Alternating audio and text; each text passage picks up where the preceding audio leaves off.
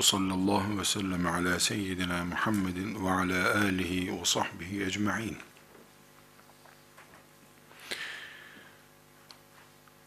Hadis konusuna girmeden önce, hayatı tanımada, dini yaşama konusunda lazım olacak.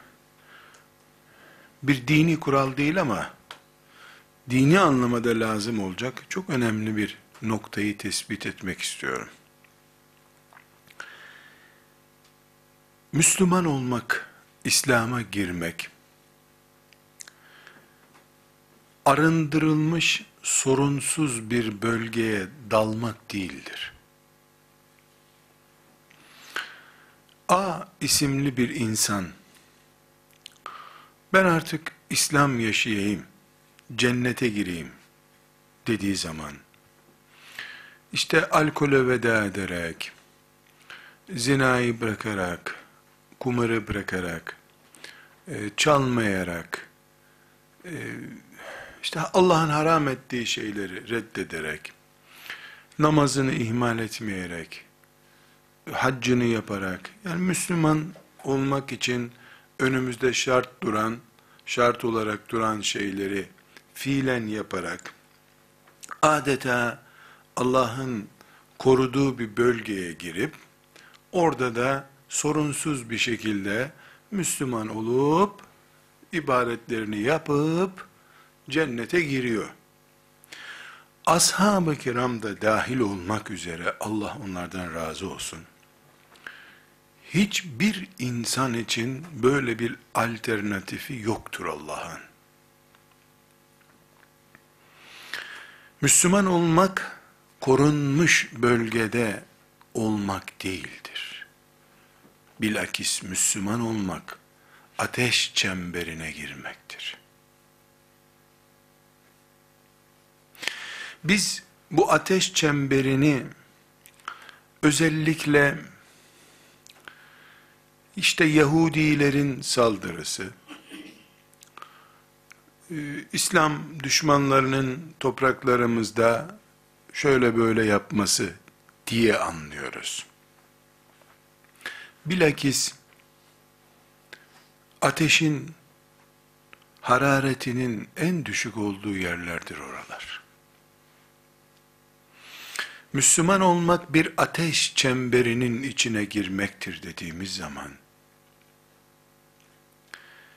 buna Müslümanın beynindeki tartışmalardan, kafirlerin toprağını işgal etmesine, fakirlik sıkıntısı yaşamasına, zenginlik şımarıklığı yaşamasına kadar, evlatlarından, anasından, babasından, akrabalarından dert görmesine kadar binlerce alternatif bulunan bir ateş çemberidir sözün ettiğimiz ateş çemberi.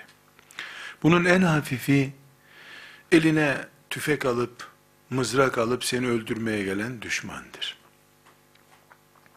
Şeytan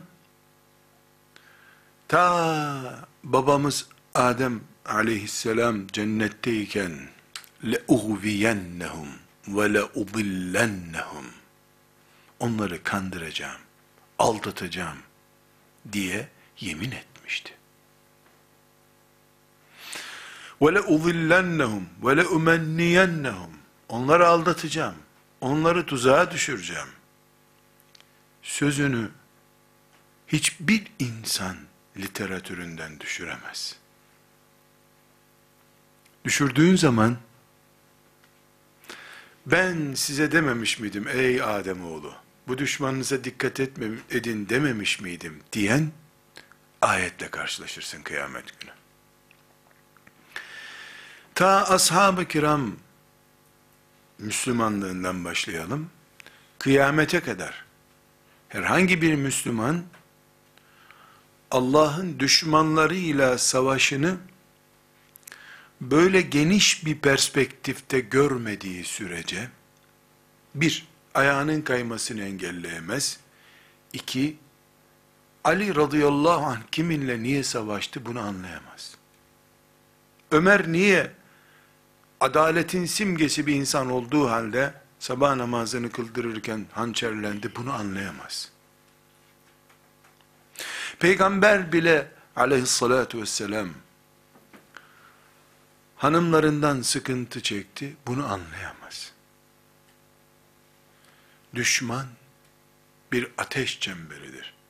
Bu ateş çemberinin içinde en hafif şeylere takılıp kalırsan eteklerin tutuşur.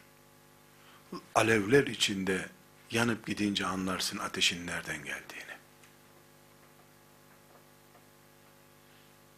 Bu ateşi karıştırırken nasıl olsa maşayla tutuyorum ben. Elim yanmıyor diye zanneden ama eteği tutuşup yanan kadına benzer. Bir kere de eteğin tutuştu mu? Mesela kadının eteği tutuştuğunda yanıyorum ben diye bağırır ama eteğini çıkarıp atamaz. Çünkü yanmak kadar risk eteğini çıkarmasıdır orada. Öyle eteği üstündeyken söndürmeye çalışır ve yanar gider. Çocuğunla imtihan olmak budur. Dinin üzerinden Allah'ın fitneye düşürmesi budur. Atamazsın. Bu pis düşünceleri attım gittim diyemez Müslüman. Diyebilse zaten o fitne olmaz. Atabildiğin düşmandır, kafirdir. Kudüs'ü işgal etti, bir gün atarsın onu.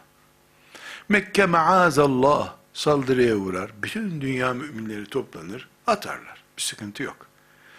Beyinlerdeki saldırılar, وَلَاُضِلَّنَّهُمْ وَلَاُمَنِّيَنَّهُمْ وَلَآمُرَنَّهُمْ Onları kandıracağım, tuzaklar düşüreceğim, üst üste emirler vereceğim onlara.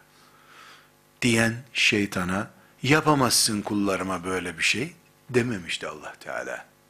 Tam aksine ne buyurmuştu? İhlaslı bir şekilde bana kulluk yapan kullarım hariç hepsi senin olsun demişti.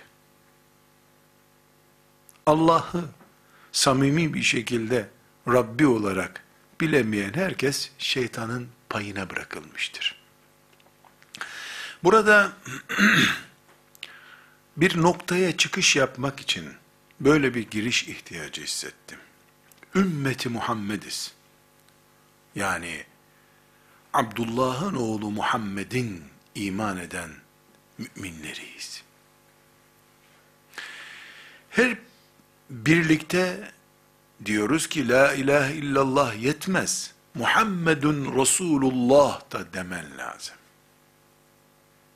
Ama senelerdir bu topraklarda alimlerimiz yahu sünnet diye de bir şey var. Hadisleri iman etmeyelim, hadis de İslam'dır demek zorunda kaldılar. Müslümana Muhammed Aleyhisselam'ın ümmeti olduğunu söyleyene o Muhammed'in sözlerinin insan sözü, sıradan sözler olmadığını, hadislerin de Kur'an gibi din olduğunu anlatmak zorunda kaldık. Kalıyoruz. Ve yok canım, hadisleri boş ver. Kur'an bize yeter. Peygamber bunu keyfinden söylemiş olabilir, karısına kızmış söylemiş olabilir canım. Diyenin sözü, Müslüman erkekler, Müslüman kadınlar arasında rağbet bulabiliyor. Hatta, hatta fitne nasıl sızabilir onu örneklendirmeye çalışıyorum. Hatta ne oluyor? Müslüman insanlar alimleri ikiye ayırıyorlar. Ya da din ismiyle öne çıkanları diyelim. Çünkü alim ismini bir tarafa oturtamıyorum ben. Şu hoca klasik Riyazu Salihinci hoca diyor.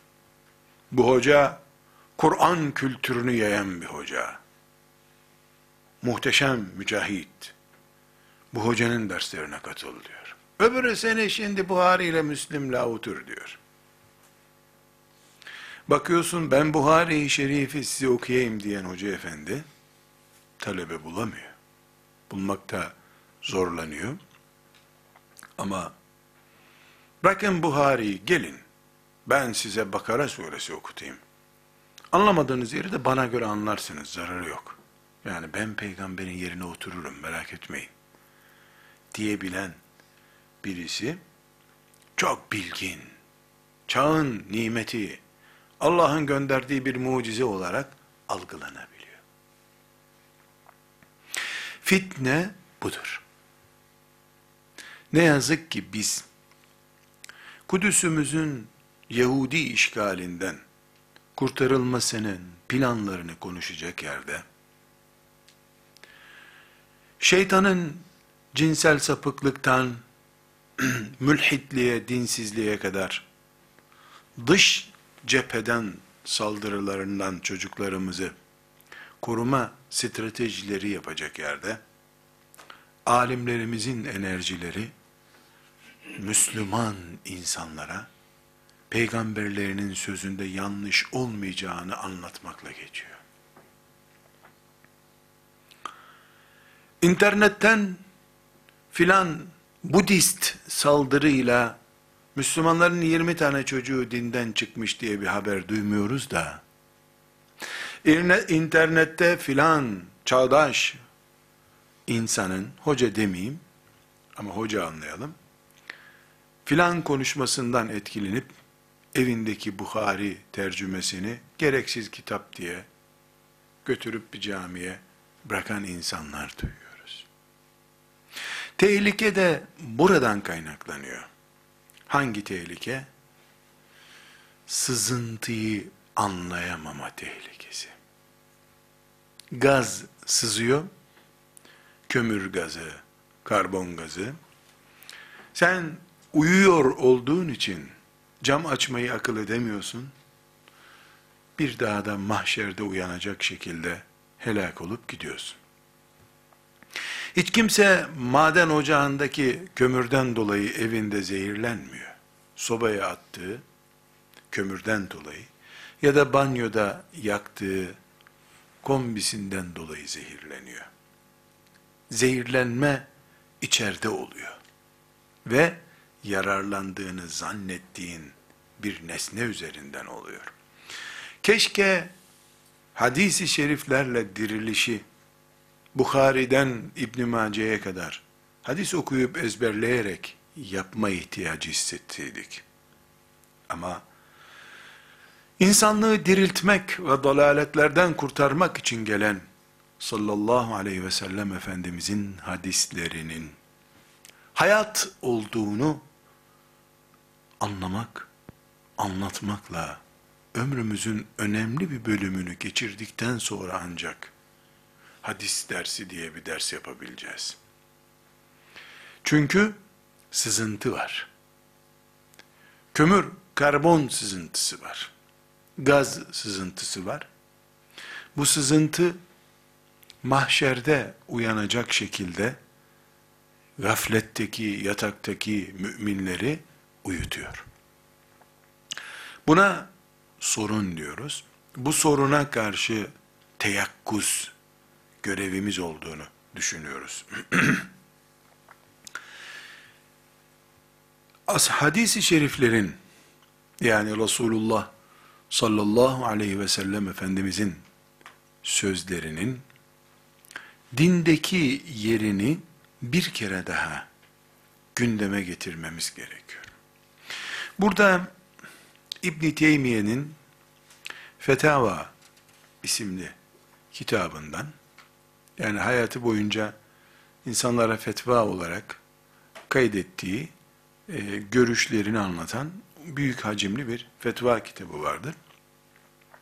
Onun giriş bölümünde çok e, hoş, güzel bir tespiti var. Hadis-i şerifleri bir yere oturtuyor. Ve bu arada da yani İbn Teymiye mantığı çok iyi kullanan birisi. E, fetvasından tefsir yaptığı, e, açıklama yaptığı her yerde hissedilir bu. Muhakeme gücü çok yüksek birisi. Burada gayet makul mantıklı bir nedenle biz hadislerle dirilmek diye yola çıktığımızda neden birinci hadis budur diye başlayamıyoruz da günlerce defalarca hadis de dindir. Resulullah'a aittir. Dinimizin bir parçasıdır diye izahat yapma ihtiyacı hissediyoruz. Meselemiz budur. Bu e, ayrıntıyı İbn Teymiye'den e, nakletmek istiyorum. E, birinci ciltte dokuzuncu sayfada hemen giriş bölümünde e, diyor ki Kur'an kendi kendini ispat eden mucize bir kitaptır. Zaten Allah Kur'an'ı meydana salmış ve gücünüz varsa Kur'an'la uğraşın demişti. Kulle in ictema'atil insu vel cinnu ala en ye'tu bimisli hada'l Kur'ani la ye'tune bimislihi velev kana ba'duhum li ba'din zahira. Ayetini örnek gösteriyor. İnsanlar ve cinler sırt sırta verseler, hepsi bir araya gelseler, bu Kur'an'ın bir benzerini icat edemezler, Kur'an'a zarar veremezler. Kur'an zaten mucize bir kitaptır. Ve Kur'an tevatür yoluyla bize gelmiştir. Bu sebeple hiç kimse tarih boyunca İbn Teymiye'den naklediyorum. E, tarih boyunca Kur'an-ı Kerim'in ayetlerini, sözlerini, kelimelerini, hatta harflerini bile değiştirelim, bu fazladır, eksiktir dememiştir. Demeyecektir de diyor. Ama şeytan Kur'an'ı anlama yollarıyla oynamayı hep denemiştir diyor. Bu cümleye dikkat edelim. Kur'an'ın kendisiyle uğraşmıyor. Kur'an'ı anlama yolları ile uğraşmak isteyecektir. İstemiştir de diyor. Bunu yapmak için de Kur'an'ı anlamanın en gerekli yöntemi olan Kur'an'ı açıklamak için gönderilmiş Resulullah'ın sözleriyle oynayacaktır diyor. Bu sebeple Kur'an'ı en yetkili kişinin ağzından anlaşılmamış, anlaşılamayacak hale getirip kendi adamları tarafından yorumlanacak hale sokacaktır diyor. Bu sebeple biz hadis alimlerin İbn Teymiye'nin e, ifadesine devam ediyorum. Hadis alimlerini, hadisler için uykusuz kalanları Allah'ın dostları, mücahitler olarak görüyoruz diyor. Bu tespiti İbn Teymiye'nin Allah ona rahmet eylesin, mağfiret eylesin. Ee, çok orijinal bir noktadan neden hadislerle insanlar kolay oynuyorlar diye e, bir sorunun cevabı olması açısından çok önemli bir yerde duruyor. Tekrar özetleyecek olursak, Kur'an'ı Allah tartışılmayacak, aklı olan kimsenin tartışmayacağı bir kitap haline getirdi. Deli çıkıp Kur'an ne olacak diyebilir. Hristiyanlar bile, Yahudiler bile e, Kur'an saygındır diyorlar. Ama Kur'an'ı kapalı bir kutu olmaktan çıkarıp herkesin anlayacağı ve amel edeceği bir kitap haline getiren onu beşer kulağına dökülecek standartlarda açıklayan Resulullah'ın sözleridir, hadisleridir. Şeytan kurnaz biri olarak direkt Kur'an'la uğraşsa, insanlar uyanacaklar. Direkt Kur'an'la uğraşmıyor, Kur'an'ı anlaşılmaz hale getirmeye yarayacak bir strateji uyguluyor. O da nedir? Resulullah sallallahu aleyhi ve sellemin sözleriyle uğraşıyor. Biz sonraki dönemlerde öğreneceğiz inşallah. Bunu ilk defa 10 hadise 10 da ilave yaparak, uydurma hadisler getirerek e, hadisin şu dedi bu dedi diyerek, ashabın kıymetini çürüterek, başta annemiz Ayşe radıyallahu anha olmak üzere, ashab-ı kiramı yani bu sözleri bize taşıyan kaynağımızı çamurlu bulanık su haline getirerek ve farklı yöntemlerle uğraşıyor. Bu nedenle hadis ilmiyle uğraşmak, yani hadis ilmine hizmet etmek, bir cihat yapılabilecek en büyük işlerden birisidir. Çünkü aksi takdirde Kur'an tıpkı Cumhuriyet e, dönemecinde Müslümanların Müslüman olmayı evde bir Kur'an asılı bulundurmak olarak anladığı gibi bir sisteme götürüyor. Bu çok önemli. Allah'ın mucizelerinden bir mucize, İslam'ın ebediliğinin belgelerinden bir belge de nedir biliyor musunuz? Kur'an alfabesini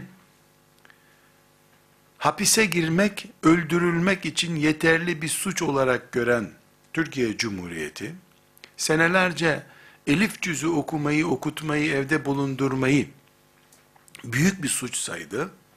İnsanlardan bir nesli Kur'an okuyamaz olarak yetiştirdi. Ama aynı devletin başının emriyle Sahih-i Buhari tercüme edilip vatandaşlara dağıtıldı.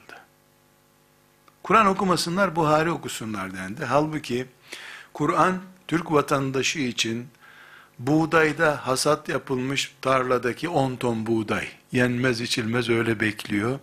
Buhari ekmek yapılacak bir kilo undu.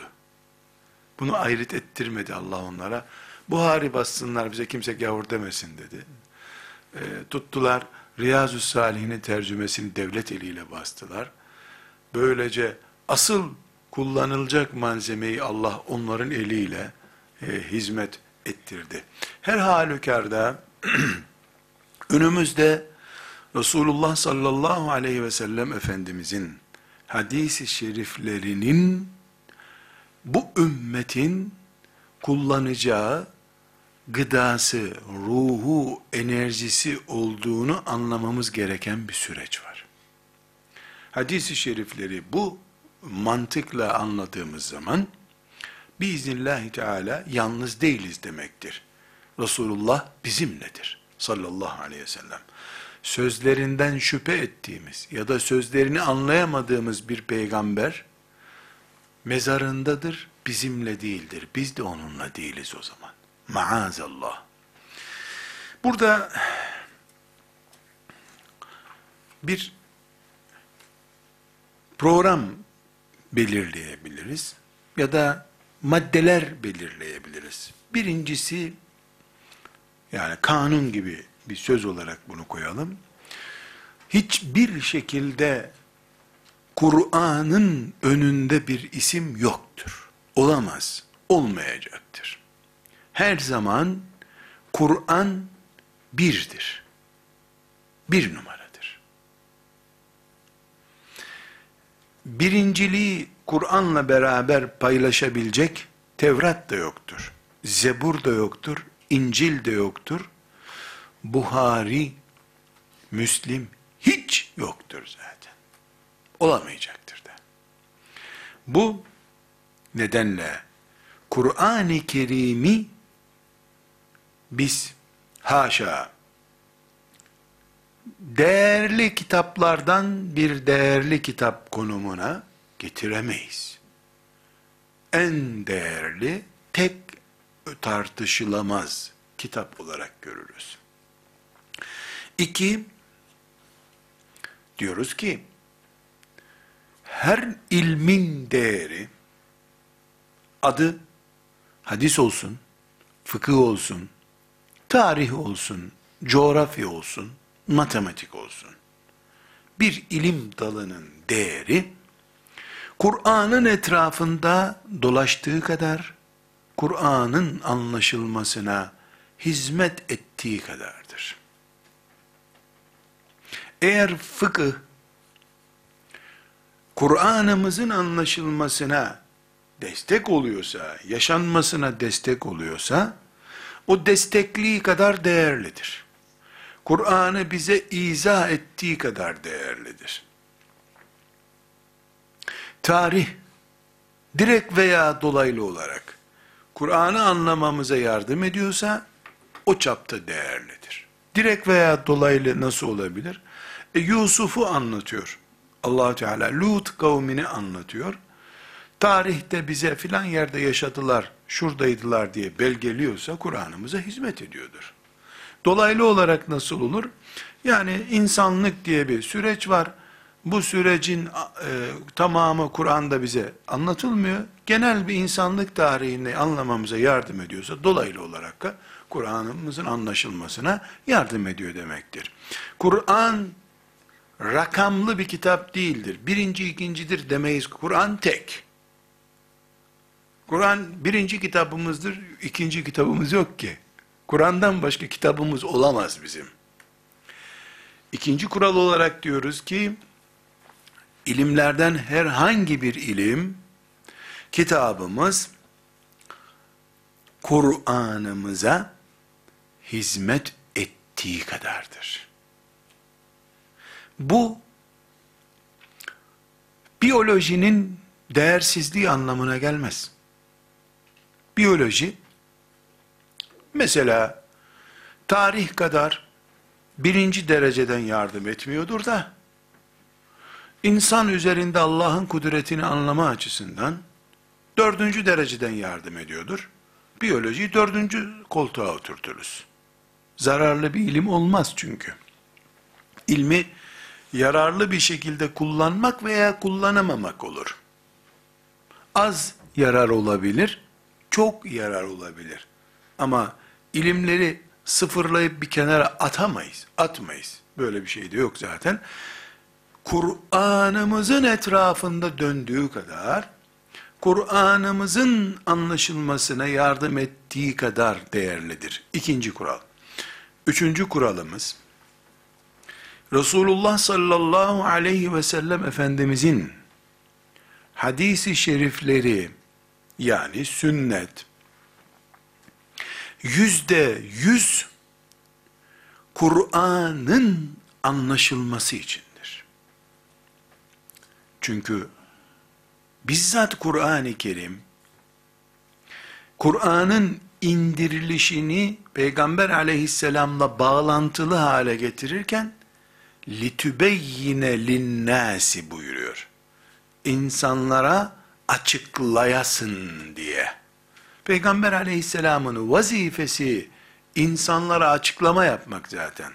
O açıklama olarak zikredilen şeylere biz hadis diyoruz. Sünnet diyoruz. Bundan da üçüncü noktayı izah ediyoruz. Bundan da diyoruz ki, Kur'an-ı Kerim'e hizmeti biz, bir ilmin, malzemenin, değer ölçüsü olarak aldığımıza göre, hadisi şerifler, Kur'an'a hizmette bir numaradır. Kur'an ve 2, 3, 4 diye saymayı da prensip olarak uygun görmedik. Kur'an'ın listesi diye bir liste olmaz. Kur'an bir, filan iki, öbürü üç dediğimiz zaman, onlar Kur'an'la aynı listeye girecek şeyler haline gelirler. Maazallah bunu kabul etmeyiz. Kur'an kitap filan değil, hidayettir. Onu çıkardıktan sonra ona hizmet edenler içinde bir sıralama yapalım dedik. İşte hadisi şerifler bir numaradır. Hep Kur'an'a hizmet yarışı yaptığına göre ilimler, en iyi hizmeti ve resmiyeti en yüksek olan hizmeti direkt hadis-i şerifler yapıyor. Hadis-i şerifler hizmet ederken, Kur'an'ı açıklarken o iş için görevlendirilmiş bir peygamberin görevi olarak onu yapıyor. Bu nedenle diyoruz ki hadis-i şerifler Kur'an'ın etrafında dönen Kur'an'a hizmet eden bir merkezde tek numaradır. Bir numaradır. Bu sebeple Kur'an öğrenen bir Müslüman için ne düşünüyorsak, hadis öğrenen bir Müslüman içinde onu düşünebiliriz. Mesela hadis öğrenen bir Müslüman Kur'an öğreniyor diyebilir miyiz? Elbette Kur'an öğreniyor. Kur'an'a ulaşacağı yolu öğreniyor. Alfabe öğrenmeden bir dilin yazı şeklini öğrenemeyeceğine göre insan, alfabe o dil demek. Kur'an'ımızın alfabesi de hadisi şeriflerdir. Eğer hadisi şerifleri kaldırırsak, Kur'an'ın dilini çözmek için başkalarının alfabesini kullanmak gerekecek. Kim olmalı o zaman bu? Kimin alfabesini kullanmalısın? Böyle bir insan olamaz. Hadisi şerifleri kaldırma hamlelerinin tamamında alfabe olarak benim kriterlerim kullanılsın anlayışı vardır. Çünkü Kur'an-ı Kerim ortada kalır o zaman. İşlenmeye muhtaç bir maden gibi kalır. Değerli düşünülmez. Ama değeri açısından bir sorun yok. Sorun nasıl kullanılacağı açısından. İşte yer yer faizi de boş ver. Kur'an'daki faiz o anlamda değildir canım. Anlayışı nereden kaynaklanıyor? Hadisi şerifleri alfabe niteliğinden kaldırıp sıradan bir insan sözü görme hastalığından kaynaklanıyor. Bunun için diyoruz ki hadisi şerife hizmet Kur'an'a hizmettir. Direkt Kur'an'a hizmettir. Hadisi şerif okumak da neticede Kur'an okumaktır. Ama tekrar ve tekrar bir hakikati tekit etmemiz lazım. Bir, Kur'an, iki, hadis, üç, fıkıh, dört, siret, beş, tarih demiyoruz. Bu sıralamayı kabul etmiyoruz. Kur'an, tamam, şimdi sayalım diyoruz. Bir, hadis, iki, fıkıh, üç, siret, dört, beş, altı, yedi sayalım diyoruz. Kur'an'la aynı masayı paylaşacak başka bir kitap da yoktur Allah'tan indirilmiş. Kur'an musaddikan lima beyne yedi kendinden öncekileri barındırmış bir kitaptır. Dört kitap da yoktur aslında. Dört indirilmiş kitap vardır. Şu anda dört kitap yoktur. Kur'an tektir. Kur'an'dan sonra bir, iki, üç vardır. Bir hadisi şeriftir. Çünkü neden? Hadisi şerif Kur'an'a bir, en resmi destektir. Açıklama açısından. Resmi yetkili ağzın açıklamasıdır. İki, Kur'an'ın indiği günlerin sıcak mesajlarıdır. Şu çağın bu çağın kültüründen etkilenmiş alim insanların veya işte mürekkep yalamış kimselerin düşüncelerini yansıtmıyor. Sabah 8'de inen bir ayet hakkında saat 9'da yapılmış açıklamadır onlar. Olayın sıcağı sıcağına ve kendisine ayetler inen tarafından yapılan açıklamadır. Bu nedenle biz hadis-i şerifler hakkındaki bir açıklamayı yani hadisi şerifleri değerlendiren bir düşünceyi ancak Kur'an'ın hakkında en yetkili beyan olarak görebiliriz. Bunun dışındakileri sapıklık da yorumlayabilirim. Kasıt da diyebilirim. En iyi diyebileceğim şey de gaflettir.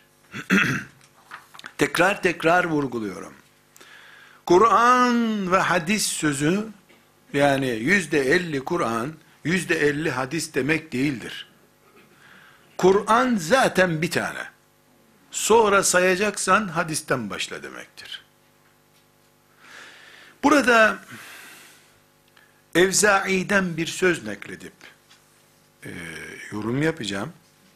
Cami'u Beyanil İlm bu kitapları tanıtacağım inşallah ileride. E, İbn Abdülberr'in e, hadis okuyacak talebeler için yazdığı e, değerli bir kitaptır. Onda 2351. paragraf olarak paragraf paragraf e, notlandırılmış bir kitap bu. E, öyle rakam veriyorum. 2351. paragrafta Evza'i'den bir söz naklediyor. Bu Ebu Hanife'den önceki nesil, yani sahabe eğitimi görmüş olan neslin ileri e, gelenlerinden. Burada ne dedik? Kur'an'ın e, yerini, tacını konuşmaya gerek yok. Zaten şeytan da Kur'an'la uğraşmamayı politika edinmiş kendisine. Niye uğraşsın ki Kur'an'la? Akıllı, kurnaz bir şeytan Kur'an'la uğraşmaz. Enerji kaybeder, müşteri kaybeder. Kur'an'ın zeminini oyar. Hadisleri oynatır yerinden. Hem müşteriyi kolay çeker, hem de Kur'an'ı ortada bırakar.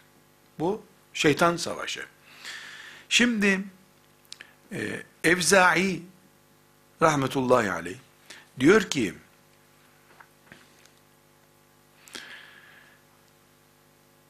sünnetin Kur'an'a olan ihtiyacından çok Kur'an'ın sünnete ihtiyacı vardır. Bu söz oldukça riskli bir sözdür. Meseleyi bir müminin Rabbinin rızasını kazanmak için kitabı, hadisi yaşama açısından baktığımızda Evzai şöyle bir değerlendirme yapıyor. Yüz tane hadis ashab-ı suffadan öğrenip gitse bir insan yüz hadisle amel eden bir Müslüman olacağım dese tamamını almamış olduğu için İslam'ın eksik Müslümanlık olur. Ama o yüz hadisle yüz iş yapar. İşlenmiş maden gibidir hadis çünkü. Kola takılacak bir bilezik gibidir hadisler. Aynı insana yüz ayet verip haydi bununla Müslümanlık yaşa desek, üçüyle beşiyle ancak bir iş yapabilir. Gerisini ibadet niyetiyle okuyacak. Çünkü Kur'an hadislerin açıklaması ile anlaşılır duruma geliyor. Ama hadisler Kur'an'ın bir açıklamasına muhtaç değil. Açıklanmış şeyler zaten. Çünkü hadisler ibadet için değildir. Uygulama içindir. Ama Kur'an hem uygulama hem ibadet içindir. Bir Müslüman namazda Kur'an'dan zamm-ı sure okur. Ama hadisi şeriflerden zamm-ı sure okunmaz. Kur'an değildir onlar çünkü. Bir değerlendirme, hangisi ne kadar, kaç puan yapıyor diye bir şey yok zaten. Neden yok? Kur'an'la ilgili bir listede değil ki bunlar. Kur'an bir tane, listesi yok Kur'an'ın. İbadet yapmak, kulluk yapmak, Allah'ın rızasını kazanmak gibi bir mücadele için A ve B seçeneklerini aldığımızda Kur'an'ı alınca bir sonuçla karşılaşıyoruz. Kullukta, imanda zirveye götürüyor Kur'an bizi. Pratik bir Müslümanlık deyince getir sünnetle ne yapacağını anla diyor. Adeta sünnet Kur'an-ı Kerim değil, Kur'an-ı Kerim'in kullanma kılavuzu. Kur'an'la aynı listenin ürünleri değil ama Kur'an-ı Kerim'i kullanma kılavuzu gibi duruyor. Onun için Evzai'nin bu sözü çok tarihi bir e, sözdür. E, Arapça olarak zikredeyim. E, tavsiye ederim. Arapça olarak da not alabilirsiniz. El kitabu yani el Kur'an demek. Ehvecu ile sünneti mines sünneti ilel kitabi.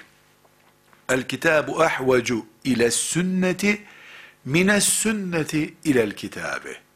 Sünnetin Kur'an'a yani sünnet hadis demek istiyoruz. Sünnetin Kur'an'a ihtiyacından çok Kur'an'ın sünnete ihtiyacı vardır uygulanmak için. Kitap olarak bir değer kazanması için haşa değil. Kur'an'ımızın peygambere de ihtiyacı yok zaten. Yani zaten peygamber onu getirmek için gelmiş. Yani peygamberin bir katkısı yok haşa Kur'an'a. Yine Cami-ü Beyanil Elim'den İbn Abdülberr'in rahmetullahi aleyh e, 2349. sözünde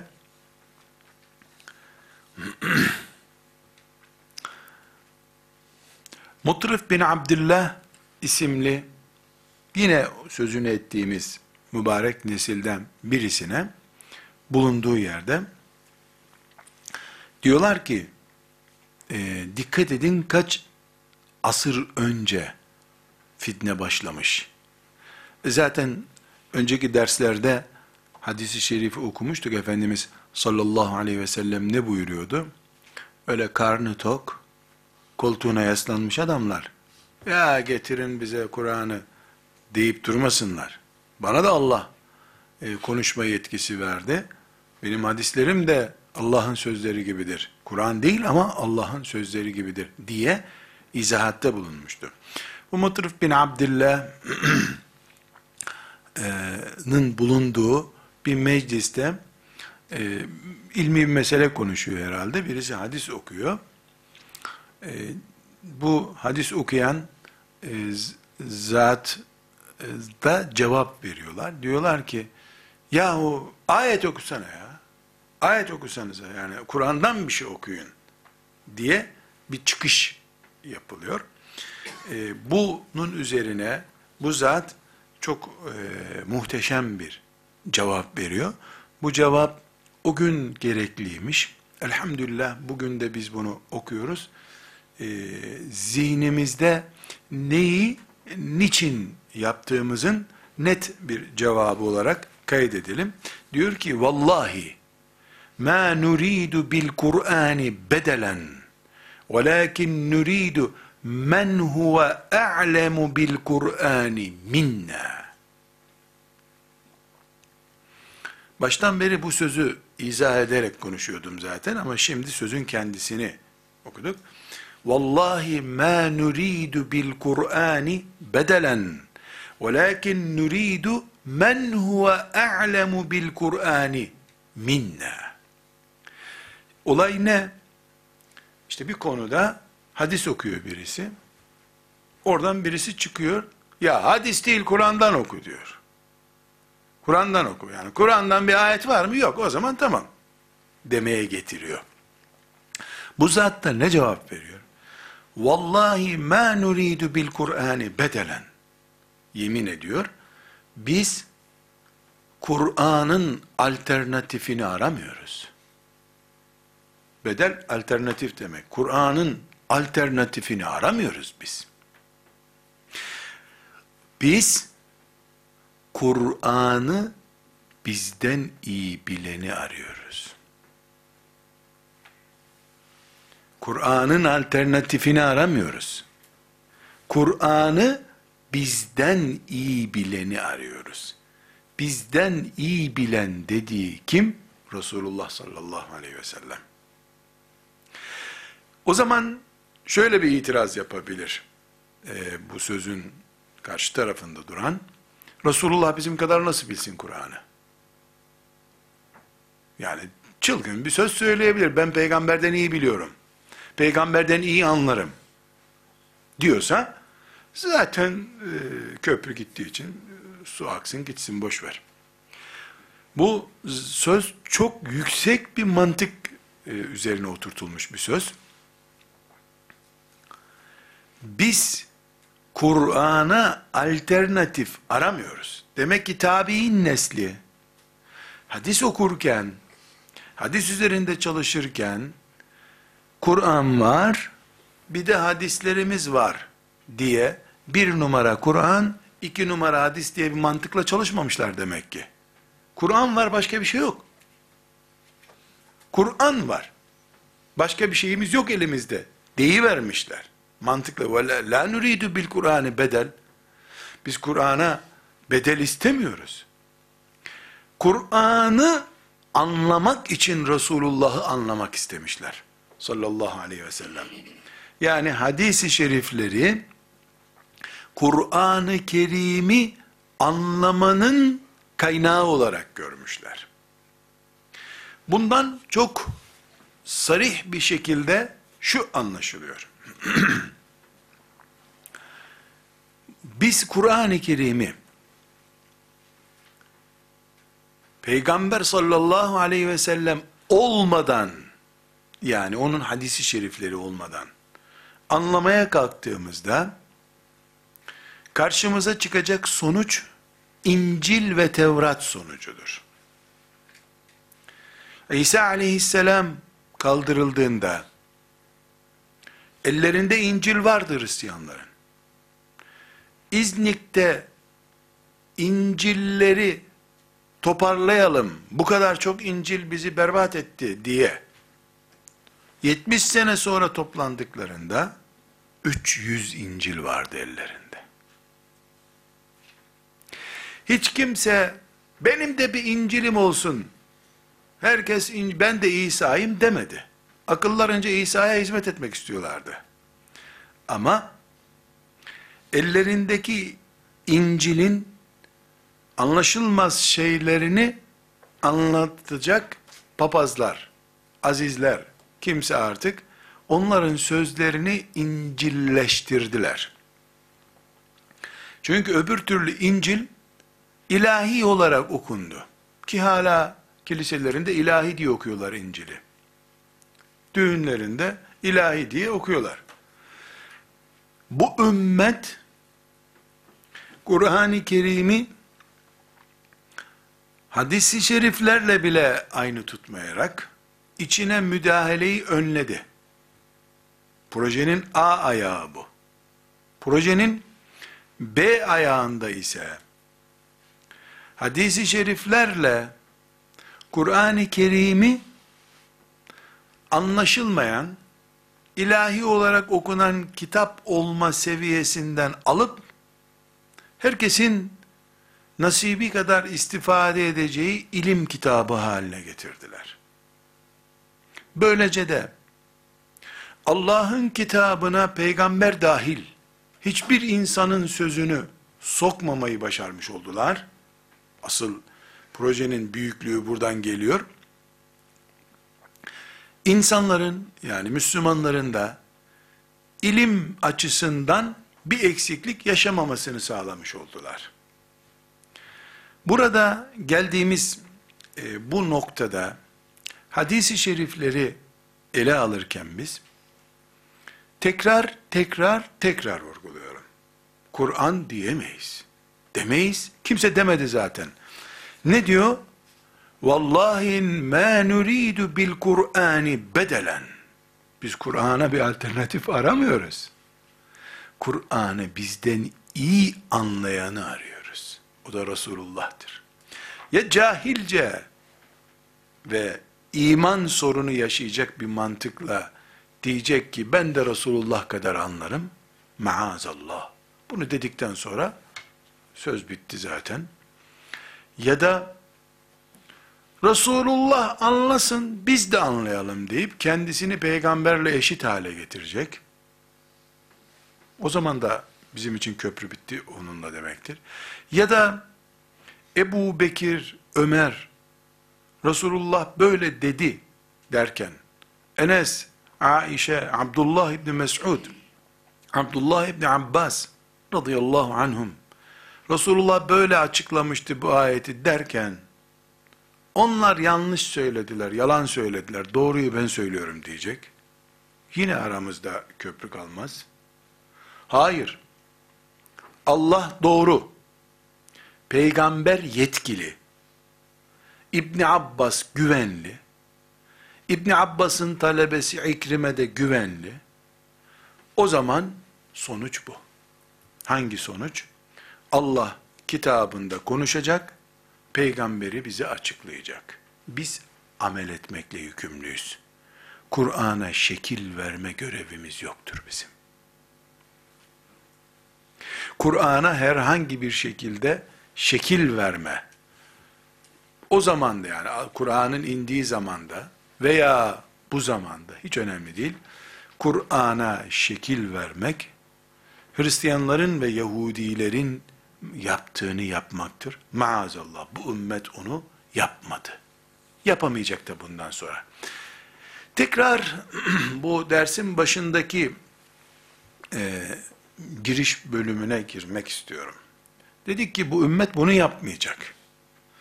E, birileri hadisi şerifleri ezip geçiyor.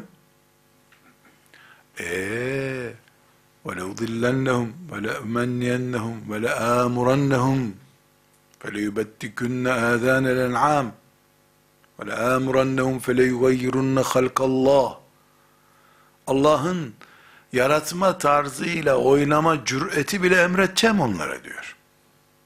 Yani onlar şeytanın işi var, projesi var. Bu dünyada biz tek başımıza değiliz. Bu dünya sadece bize kiralanmış bir yer değildir. Bu dünyada bizimle beraber bir de cinler var. Bir de iblis var. Hep beraber bu dünyayı kullanıyoruz. Bizim kadar onların da bu dünyada e, iş yapma, söz götürme ya da işte proje yürütme hakları var. Ümmeti Muhammed olarak biz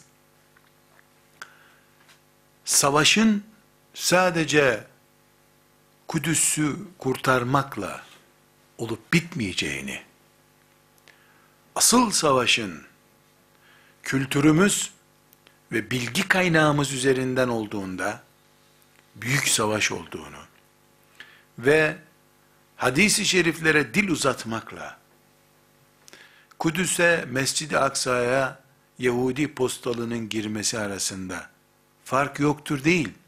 Daha tehlikeli bir hadise dil uzatmanın Yahudi postalının Mescid-i Aksa'nın çimlerine basmasından daha büyük bir tehlike olduğunu anladığımız zaman biz biiznillahü teala imanımızı korumuş oluruz. Hiçbir zaman kuru bir hayal peşinde koşup bu kötülükleri önleyeceğiz. Bir daha böyle bir terbiyesizlik olmayacak demeyiz. Bu kötülükler yani bu hadisi şerife dil uzatmak, İbn Abbas'ı basit görmek, Ayşe annemizin sözlerini yalancılıkla itham etmek kalkmaz dünyadan. Kalkacak olsa Allah bu, bu dünyayı yaratmazdı zaten. Adem babamızı cennette tutardı. Biz de ne güzel cennetteki bir e, doğumhanede doğardık herhalde. Bu dünyaya niye geldik sorusu sadece Siyonizmle Kudüs'te kavga etmek içindir dendiğinden bu sıkıntı çıkıyor. Bu dünyaya biz Resulullah sallallahu aleyhi ve sellemin miraçgahı olan Kudüs'ü onun emaneti olarak kıyamete korumak için geldik. Aynı şekilde onun Kur'an'ını kıyamete kadar bütün mukaddesliğiyle korumak için geldik. Aynı şekilde onun hadisi şeriflerini emanet olarak yüreklerimizde kıyamete kadar saklamak için geldik. Eğer bir taktik hatası yapıp sadece Mescid-i Aksa'yı kurtarılması gereken mübarek bir emanet olarak görürsek, Mescid-i Aksa'nın önemini anlatan, miracı anlatan hadisi şeriflerin önemini anlamazsak, ne Mescid-i Aksa'yı koruyacak cihat üreten bir enerjimiz kalır, ne de kıyamet günü Resulullah sallallahu aleyhi ve sellem ile yüzleşecek yüzümüz kalır.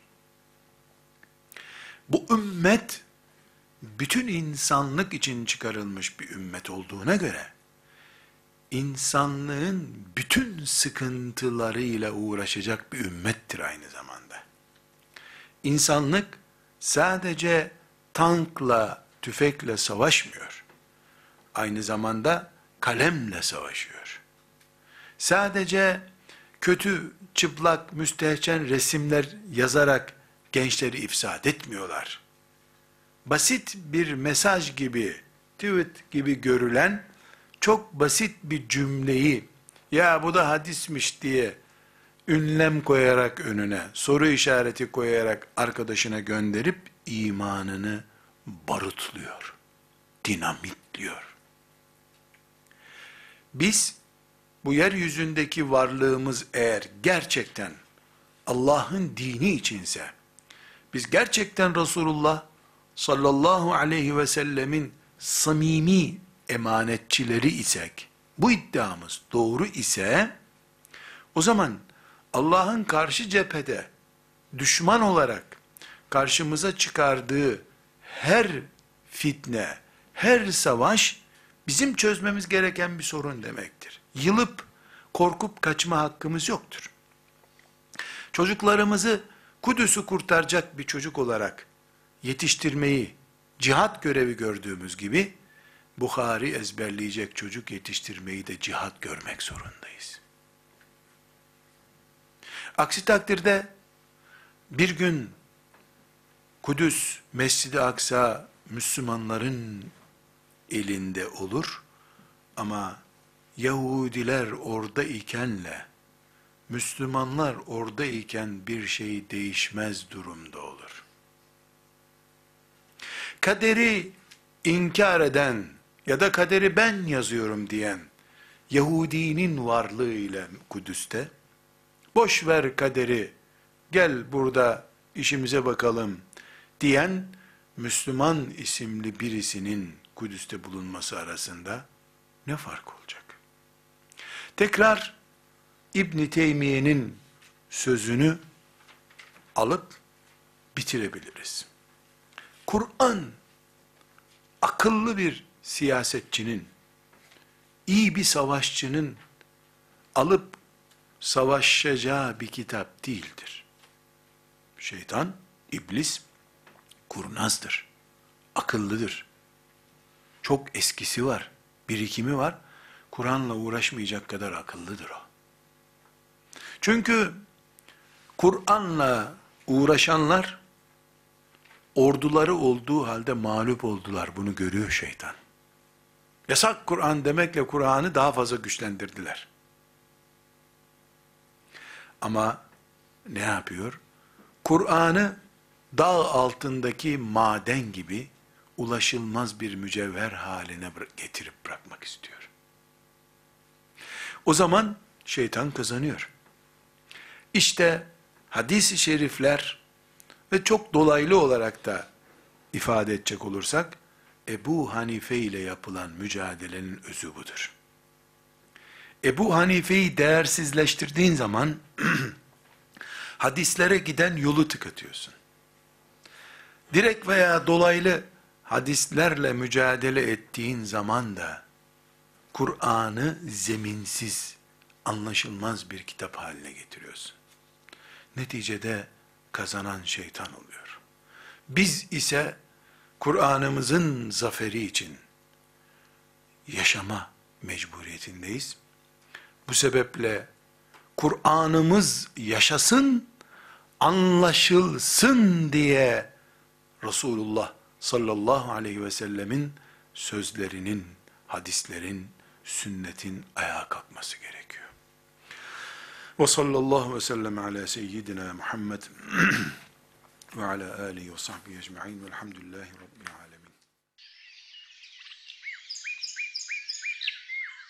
قل إن كنتم